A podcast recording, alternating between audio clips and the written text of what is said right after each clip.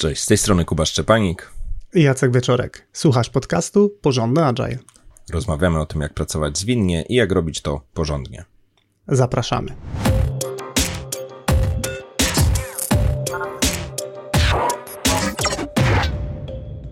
Wybieramy się z Kubą wkrótce na szkolenie Advanced Agile, czyli zaawansowana zwinność, do Alistera Coberna. I przygotowując się mentalnie do tego mm, szkolenia, zastanawiałem się podczas spaceru z psem, e, co bym powiedział na początku takiego szkolenia, gdyby padło pytanie, e, z czym chcę wyjść, jakie mam e, potrzeby. I cała ta otoczka wokół tego szkolenia tknęła mnie do przemyślenia, czym jest zaawansowana zwinność i jakie ma odcienie. I o tym nagramy dzisiejszy odcinek. E, no i odcinek będzie bardziej refleksyjny. Zbierzemy tutaj nasze różne przemyślenia na ten temat. E, w szczególności nie silimy się na bycie wyrocznią, czyli w tym odcinku raczej nie zdefiniujemy naszej jedynej słusznej wersji tego, czym ta zaawansowana zwinność jest i też nie, e, nie czujemy, że pokryjemy całkowicie ten wątek, więc tu jesteśmy otwarci też na różne inne perspektywy. Natomiast czujemy, że warto posłuchać i porównać swoje przemyślenia, które masz na ten temat z tym, co Tobie zaproponujemy w tym odcinku. Spis treści na dzisiaj jest następujący. E, postaramy się rozróżnić poziomy zaawansowania zwinności. E, opowiemy o świadomości pułapki, e, równania zwinności ze skramem, stawiania takiego prostego znaku równości. Opowiemy o umiejętności doboru technik do sytuacji, o zaawansowaniu w prostocie i płynności i o zwinności stosowanej odruchowo. Na koniec podzielimy się przestrogą dla osób, które stawiają swoje pierwsze kroki w podejściu zwinnym. Więc zgodnie z tym, co Jacek powiedział w spisie treści, pierwszy punkt to rozróżnienie poziomów e, zaawansowania. No i tutaj e, nie zaczniemy od razu wprost, tylko chcemy tutaj podzielić się e, dwoma metaforami mm, na temat tego, jak można widzieć jakieś poziomy zaawansowania, czy poziomy dojrzałości, czy właśnie poziomy jakiegoś rodzaju wtajemniczenia w to, co się praktykuje. No i opowiemy o swoich rzeczach e, związanych e, z życiem prywatnym, niezawodowym. Ja zacznę od modelarstwa. Możesz kojarzyć modelarstwo. Ja tutaj akurat e, konkretnie się skupiam na modelarstwie e, plastikowym. E, tworzę samoloty z okresu II wojny światowej. Hobby raczej popularne wśród dzieci i młodzieży, ale też wiem, że dorośli czasami do tego wracają i to u mnie też miało miejsce. Ale nie o samym swoim hobby chcę opowiadać, tylko o tym, jak na tle tego widać poziomy wtajemniczenia. Osoba zupełnie początkująca w modelarstwie na pewno stara się trzymać trzymać kurczową instrukcji. W każdym pudełku z samolotem jest też instrukcja, jak go skleić. E, są też takie podstawowe książki z takimi, powiedzmy, przewodnikami czy podręcznikami e, młodego modelarza. W moim dzieciństwie była tylko jedna słuszna, taka e, kwadratowa. Możecie też kto kojarzyć, jeśli sami sklejaliście. No i tam są podstawowe instrukcje, jak przecinać, jak doklejać, jak malować, gdzie po prostu osoba super początkująca najlepsze, co może zrobić, to starać się wiernie podążać za tą instrukcją. No ale jeśli skleiliśmy już kilka modeli, jeśli też e, ta pasja nas e, kręci mocniej, chcemy spróbować czegoś innego, na przykład też e, patrząc na e, bardziej zaawansowane osoby, czy to na jakichś festiwalach, na targach, czy obecnie już też w internecie, e, czy w jakichś e, gdzieś tam magazynach, czy stronach internetowych, można zobaczyć, że da się robić to lepiej niż ściśle podążając za instrukcją. Można model wzbogacić, można dodać trochę dodatków, można może też poszukać jakichś unikalnych historii związanych z tym modelem, czyli na przykład zobaczyć, że ten samolot wyglądał jednak w rzeczywistości na zdjęciach trochę inaczej i spróbować to wiernie odtworzyć. No a jest też taki poziom już naprawdę zaawansowany, e, w którym osoby w zasadzie tej instrukcji to prawie nie czytają.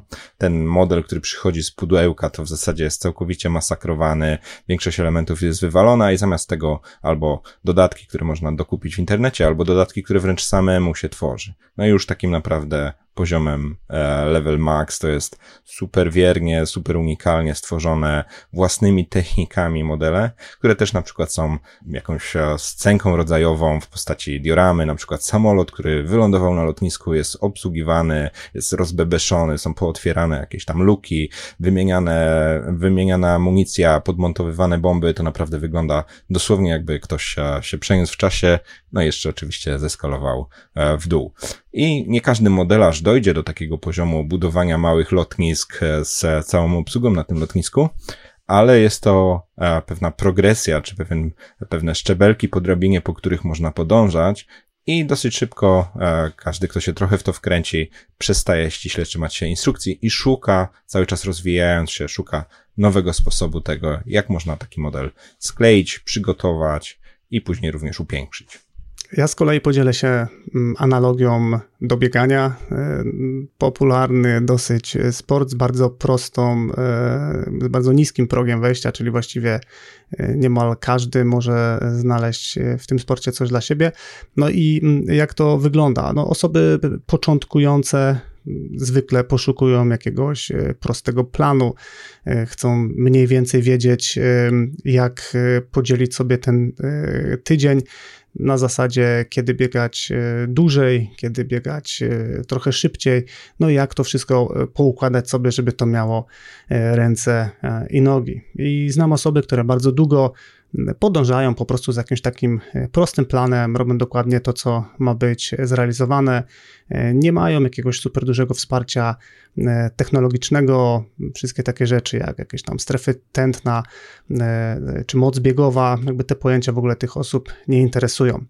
Ale gdy ktoś już troszeczkę tego e, czasu spędzi, no to zaczyna się interesować, jak można byłoby te plany troszeczkę bardziej dopasować pod swoje potrzeby, czyli zaczyna się pojawiać tutaj jakaś koncepcja co tak naprawdę chcę osiągnąć, jakie mam e, cele biegowe. Może są jakieś konkretne zawody, w których chcę wystartować. No i zaczyna się już pewne e, dopasowywanie pod konkretne moje e, prywatne cele, ale też z jakąś tam świadomością własnych słabości. Być może jestem kiepski, jeśli chodzi o bieganie takie na czas, szybkie, no więc wtedy w tym planie mogę sobie e, położyć większy akcent na tego rodzaju aktywności, albo na przykład celowo robić sobie takie bieganie e, po jednym dniu przerwy, czyli żeby wejść w to bieganie e, bardziej na świeżo.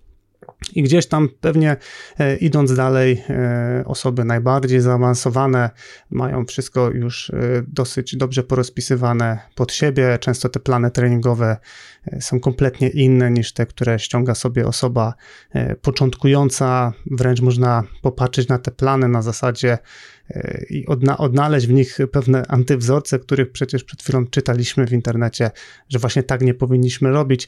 No ale osoba świadoma i zaawansowana wie, że może pewne e, ogólne zasady łamać, no bo bardzo dobrze zna swoje ciało, e, ma bardzo duże doświadczenie, no i jest w stanie e, przewidzieć, jak pewne aktywności e, będą działać w konkretnym e, kontekście swojego zaawansowania.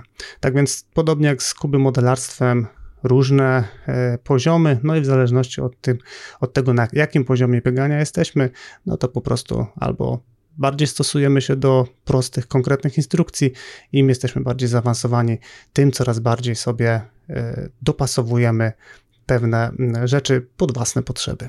I co te analogie z naszych e, prywatnych pasji mają do Agile'a? No, tu czujemy, że z Agilem jest bardzo podobnie. E, czyli osoby bardzo początkujące z wykorzystaniem metod zwinnych pewnie raczej będą starały się trzymać instrukcji, e, robić pewne rzeczy rutynowo, e, podążać według jakichś wytycznych, które się poznało na początku i nawet może nawet nie wiedzieć albo świadomie nie wnikać w to, że można inaczej, można lepiej, e, można pewne rzeczy robić e, w lepiej dopasowany sposób. No ale też wraz z doświadczeniem, zwłaszcza jeśli się podchodzi do pewnych spraw świadomie, to dostrzega się na bazie inspiracji z innych źródeł, na bazie też może właśnie jakichś swoich własnych odkryć o tym, e, co jest niedoskonałe.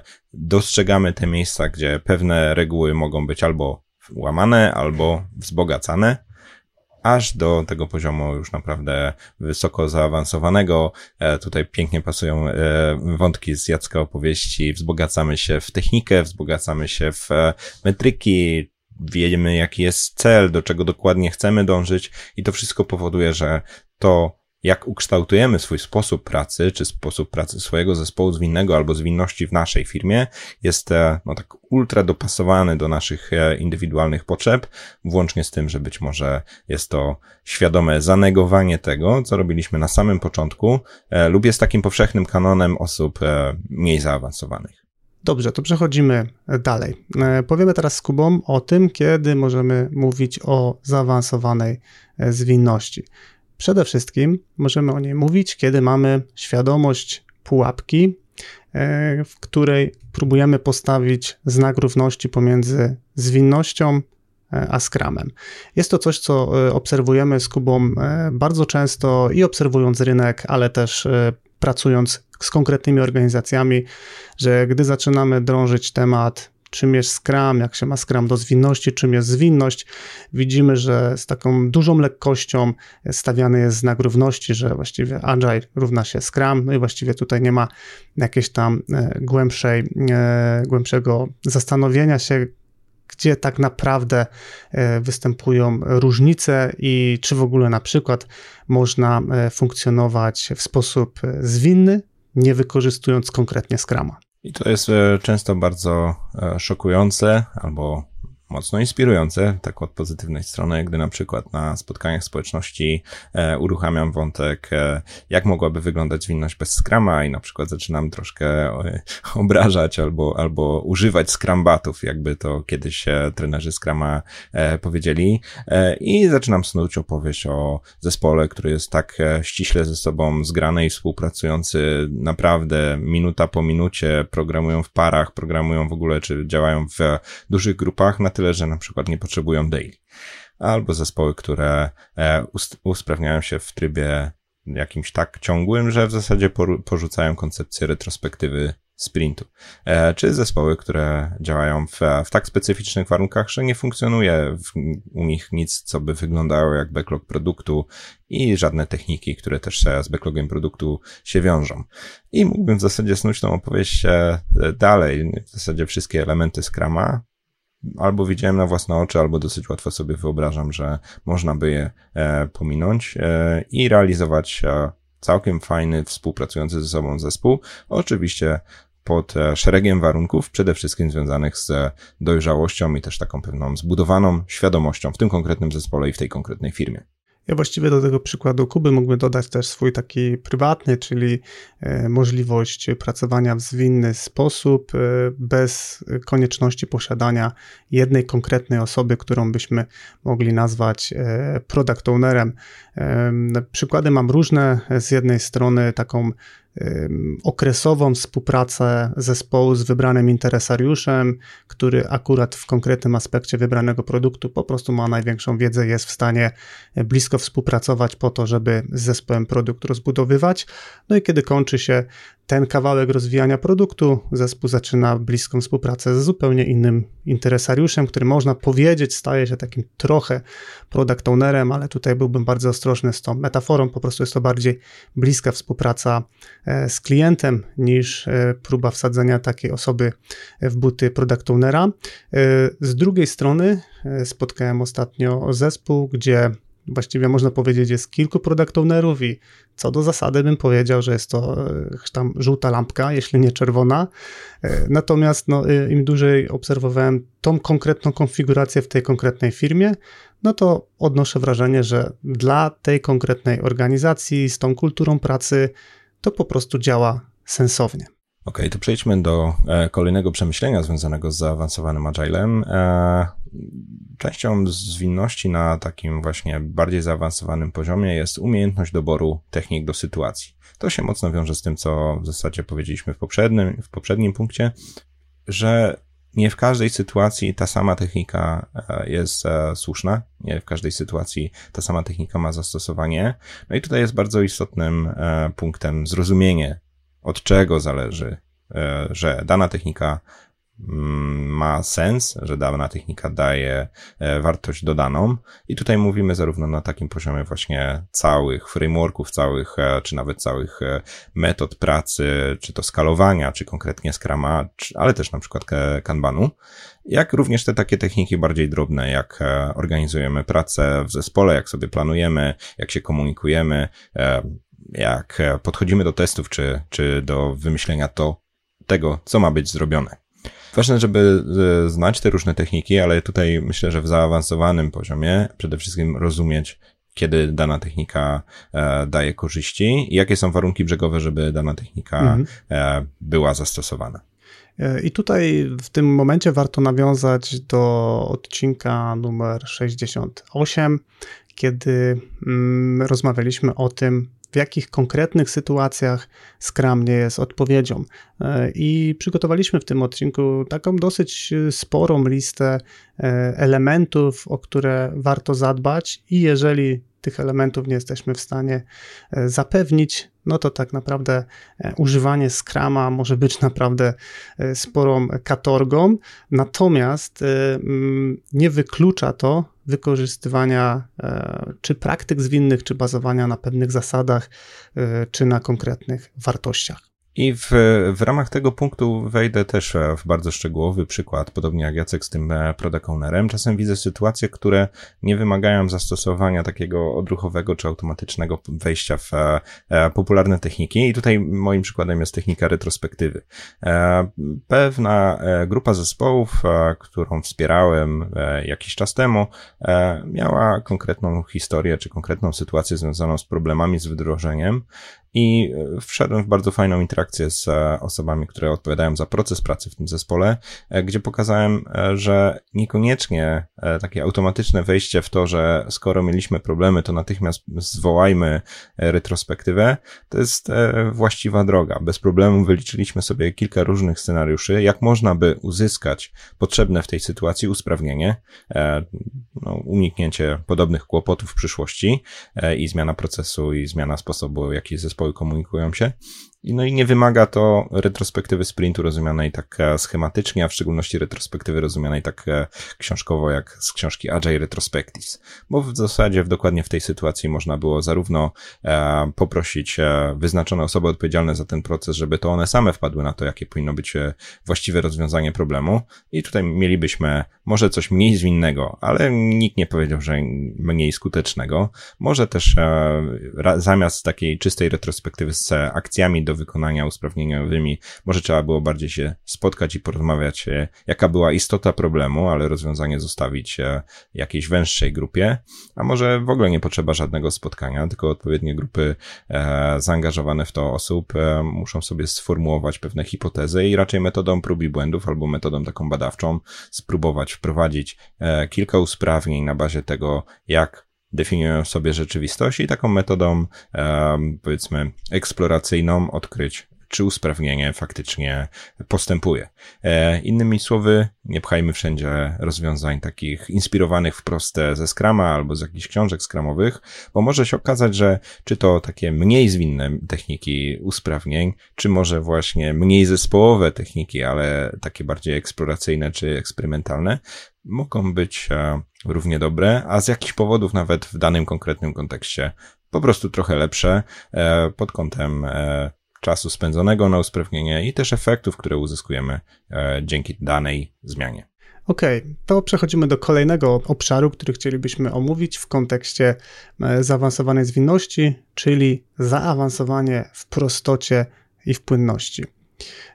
I tu też taka mikroanegdota. E, Spotkamy oboje z Kubą e, osoby, które e, można powiedzieć ścigają się w poznawaniu kolejnych technik, czy to kolejnych technik na retrospektywę, czy to kolejnych technik na jakąś tam formę refinementu, czy kolejnych technik związanych z obszarem product discovery. Tych technik znają całą masę i można odnieść wrażenie, że właściwie główny cel to jest poznanie tej jeszcze jednej kolejnej techniki, bo tak naprawdę ciągle żyjemy w przekonaniu, że tych technik znamy zbyt mało. No i dla mnie samego jest to trochę onieśmielające, gdy słyszę kolejny tytuł książki albo kolejną nazwę techniki, która w zasadzie albo zupełnie nic mi nie mówi, albo wiem, że ta technika istnieje, ale no nigdy nie było czasu, żeby w nią wejść. No ale kłopot e, obserwuję taki, że nawet e, zwłaszcza gdy współpracuje blisko. Nawet gdy taka osoba zna pewne techniki, zna instrukcje, wie jak to przeprowadzić, ma gotowe może nawet jakieś szablony czy, czy, czy, czy tablice na jakimś Miro, e, no to później coś tak nie do końca wychodzi z wprowadzeniem tego w zespole. No i tutaj takie przemyślenie e, nasze wspólne, no, że nie jest sztuką znać e, setkę technik na retrospektywę, no raczej sztuką jest uzyskać potrzebny efekt w danym zespole.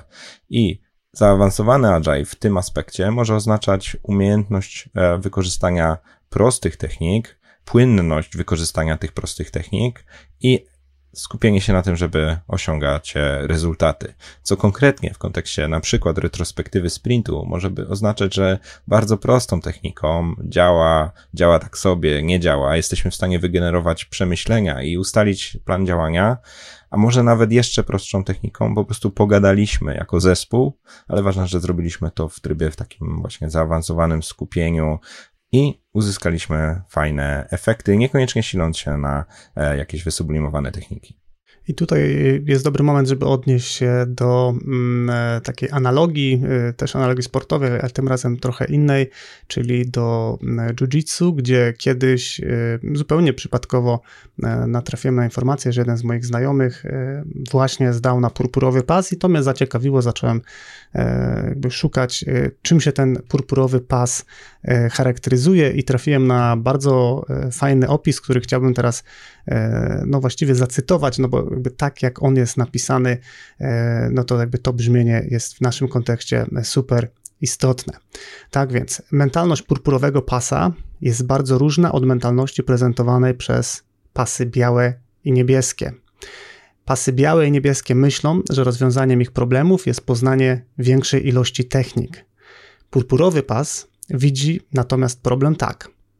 Muszę ulepszyć poznane techniki, a następnie nauczyć się odruchowo składać je w odpowiednie, płynne kombinacje. Koniec e, cytatu.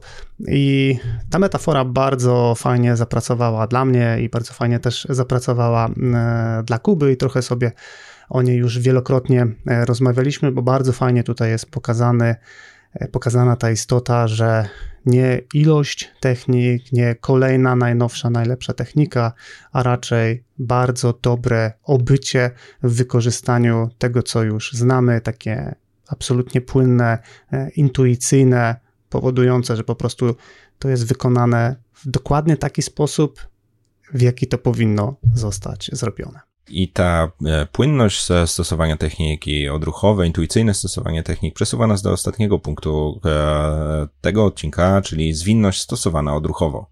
Zaawansowana zwinność oznacza to, że mamy ją już naprawdę w pamięci mięśniowej. E, gdy przychodzi moment super spontaniczny, to po prostu umiemy zastosować właściwe podejście. E, no i tutaj też anegdota z życia. Mniej więcej rok temu zostałem zaproszony do pewnej grupy, żeby przyglądać się temu, jak przebiega pewne większe spotkanie tu konkretnie chodziło o zaplanowanie roadmapy na e, kolejny kwartał i miałem dać feedback do tego, jak to spotkanie przebiega, e, być może również e, gdzieś tam zareagować w trakcie, jeśli będzie taka potrzeba. Więc cały wyluzowany, docieram do biura. No to jeszcze był czas jednej z ostatnich fali takich covidowych. No i nagle się dowiaduję tam powiedzmy 15 minut przed rozpoczęciem spotkania, że wszyscy, którzy byli zaplanowani do poprowadzenia tego spotkania z grona Agile Coachy i Scrum Masterów niestety dzisiaj zgłosili L4. No i Kuba, czy mógłbyś poprowadzić? Gdzie totalne zaskoczenie, zupełnie. Nie byłem na to gotowy, ale jednocześnie post factum dostałem e, feedbacki od osób, które były na tej sali i czuły o co chodzi w tematach właśnie różnych technik, że w ogóle nie było widać, że w ogóle lecę na spontanie, na tak zwanym freestylu i zupełnie nie, um, zupełnie nieprzygotowany, e, no bo po prostu tu wyszła ta właśnie odruchowa zwinność, czyli gdy przyszło co do czego, wystarczająco często już pewne rzeczy robiłem, wystarczająco umiem te wszystkie podstawowe techniki z tej opowieści o purpurowym pasie, czasie, w razie potrzeby umiem zmoderować, w razie potrzeby umiem gdzieś tam zareagować, zastosować, zastosować jakieś e, odstępstwo od planu. E, no i tak naprawdę dla przebiegu tego spotkania nie miało to żadnego znaczenia, czy jestem przygotowany po kilku dniach przygotowań, scenariuszach, jakichś rozpiskach, jakichś tam tabelkach, czy szablonach, czy schematach, czy po prostu przyszedłem wyspany z, e, po dobrym śniadaniu i po prostu poprowadziłem to. I nie chodzi o to, żeby się stawiać w takich sytuacjach. Oczywiście to, ta sytuacja też mogła mi się nie powieść, ale z perspektywy czasu e, widzę to, jak fajnie to mogło zagrać. Ja mam kontrprzykład. Jedny, jedną z moich pasji jest offroad i powoduje to, że samodzielnie próbuję naprawiać e, mojego Jeepa i ja mam dokładnie odwrotnie, czyli ja mogę na przykład, nie wiem, naprawić półoś, ale to nie jest tak, że wchodzę do garażu i po prostu robię to z automatu. Tylko muszę sobie obejrzeć coś tam na YouTubie, muszę przejrzeć książkę serwisową. W trakcie samej naprawy też upewniam się, patrząc na no, specyfikację, czy robię właściwe rzeczy we właściwej kolejności. E, momenty dokręcania śrub też nie mam w głowie, to też sobie biorę z instrukcji. Tak więc e, zrobię to i auto jeździ i to od paru lat udowadniam, że jakby można. Natomiast no nie, nie można powiedzieć, że to jest ta płynność, że to jest ta pamięć mięśniowa, która pozwala działać e, tak na absolutnym autopilocie. E, I z tym wiąże się pewne takie ostrzeżenie na koniec, czyli jeżeli dopiero zaczynasz swoją przygodę ze zwinnością, albo jeśli twój zespół jest e, początkujący, to być może to nie jest właściwy czas na implementację inspiracji e, z tego odcinka. Może być tak, że jeszcze nie wiesz, tego, czego nie wiesz, czyli pewna taka nieuświadomiona e, niekompetencja się tutaj pojawia. I na tym etapie, naszym zdaniem, lepiej trzymać się takich podstawowych instrukcji. E, to może być na przykład taki, nazwijmy to, czysty Scrum, czyli taki powiedzmy e, by the book, zanim zaczniemy usuwać pewne elementy ze Scrama, to najpierw dobrze to przepracujmy, zobaczmy, po co te elementy są, zrozummy tak naprawdę, co one nam dają. No i dopiero później możemy się decydować na ewentualne jakieś takie dopasowania. Natomiast to nie musi też być oczywiście e, Scrum, to może być po prostu zwinność, z której możemy czerpać na przykład konkretne e, praktyki. E, I jeżeli czujesz, że chciałbyś lub chciałabyś pogłębić taką e, wiedzę, jak wykorzystać czy, czystą zwinność, to możesz e, wykorzystać do tego nasz najnowszy webinar o nazwie Co to jest Agile, który możesz znaleźć na stronie porządnyagile.pl łamane na WA. Podsumowując cały ten odcinek. W odcinku opowiedzieliśmy o tym, jak wyróżniamy poziomy zaawansowania w Agile.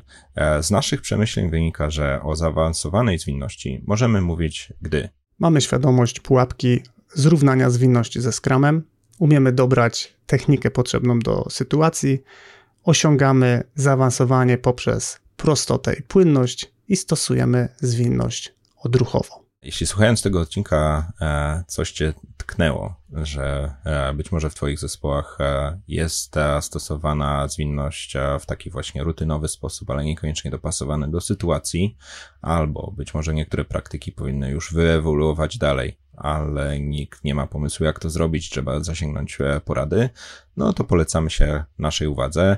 E, jednym ze sposobów, jaki wspieramy organizację, jest diagnoza tego, jak e, wygląda zwinność w zespołach i wysuwanie konkretnych rekomendacji, konkretnych praktyk, które sugerujemy jako możliwe rozwiązanie na aktualne potrzeby czy aktualne bolączki w procesie danego zespołu czy całej danej organizacji. Jeśli takie rekomendacje, nasze eksperckie sugestie na temat tego, co mogłoby się zmienić w Twoim zespole czy firmie, jest czymś e, interesującym dla Ciebie, e, sprawdź naszą ofertę, e, którą znajdziesz po przekierowaniu przez adres porządnyagile.pl łamane na diagnoza. Natomiast notatki do tego odcinka, artykuł, transkrypcję naszej rozmowy oraz zapis wideo znajdziesz na stronie porządnyagile.pl łamane na 113. I to by było wszystko na dzisiaj. Dzięki Jacek. Dzięki Kuba. I do usłyszenia wkrótce. wkrótce.